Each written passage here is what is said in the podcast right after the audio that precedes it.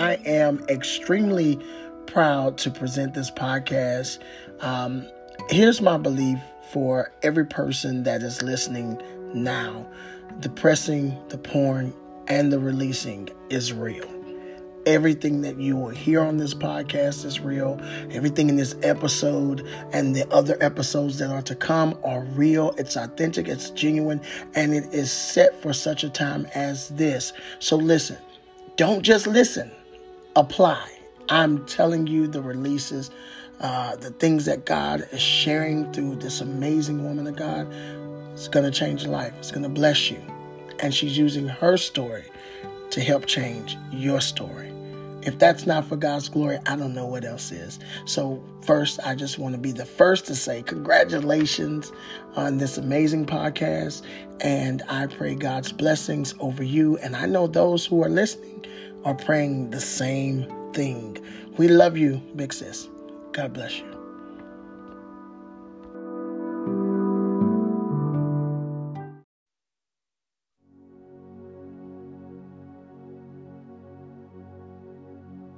Hello, I am Yolanda Victorian West, and you're listening to the Pressing, the Pouring, and the Release podcast.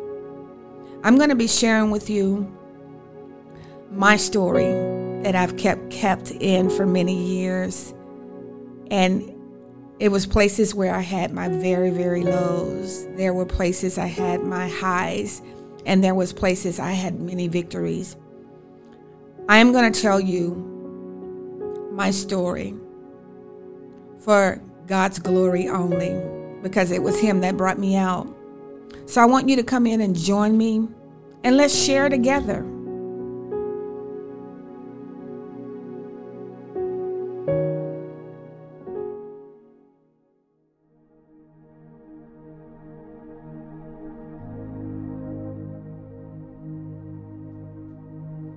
Hello, good people. Welcome to the Pressing, the Pouring, and the Releasing podcast.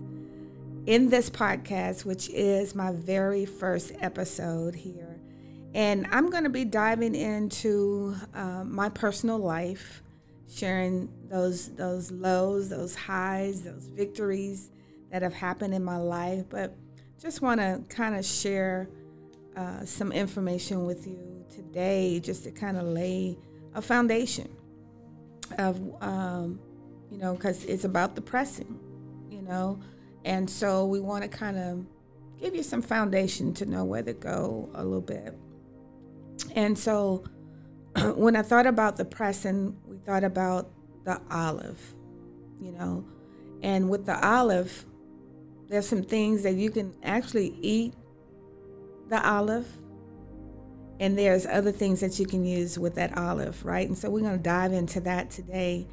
But that olive, I, I love eating olives. At first, I didn't. I didn't like eating them, right? And my husband would eat them all the time. I was like, how in the world can you just eat that? You know, because it, it has such a bitter taste. It's something that you have to get used to, right? And so we're going to dive into talking about that today. And so as you know, the olive fruit, I don't know if many of you knew that it is a fruit and it's not a vegetable, but it is a fruit. And how many of you know out there that it produces oil, right? And so with that producing of the oil, there's some things that has to take place first. You can enjoy the fruit by just eating it, you know, and throwing away the seed. But with that olive fruit, to produce the oil, and it goes back to the things that God has produced in our life. And so we're going to kind of be going, you know, I, I heard this by a wise man some years ago, saying whatever God does in the natural, it also is a spiritual fact around it as well, right? And so with that olive, it kind of shows a lot about my life. And I didn't understand it then, but now I understand it even the more, right? So, with that pressing of the all or the pressing of your life, you know, like I said earlier, the taste is bitter. If you've ever tasted, if you haven't tasted, go out and just taste it. Just give it a try, right? And then you can kind of grasp what I'm going to tell you today. In order to get the all, it has to have a great weight pushed on the olive. Now, remind you, they're not taking the seed out of it, the seed remains in it when they're pressing it. And it has to have such a uh, pressure because if you ever get that seed in your hand, it is not something that you can just push and it kind of, you know, press in or soft. It is actually a hard seed. So with that weight, it has to press uh, very heavy on it, if I could say that that way. And then, you know, how can we even get the fruit, the olive fruit, without plucking it first? We have to pluck it from the tree. So there's a disconnect from the tree to your hand. And then with plucking it, you have to allow it to be put in a press you know, to be trampled on with heavy weight. Wow. To even think about that and to think about that in your life, that there has been so many things, even in my life, that it seemed like the weight of it was just too much. You know, how can I even go another mile with this pressure? How can I go another step? How can I do another thing with the pressure that's going on in my life, right? and go back to the olive in order to get that, that, that nice oil that you use. Some of us use it for cooking. Some of us use it to be anointed with it. Some of us use it to probably just, you know, put on our body. Or it's different ways you can use it, but it had to go through something to get where it is. The crushing produces the oil. Right, it does. It produces the oil in your life. And then God supernaturally, with this pressing in your life, allowed provision of health and wholeness. He supplied all this for us. In my life, He did. Because I remember at the age of 18, I had a health problem of cancer.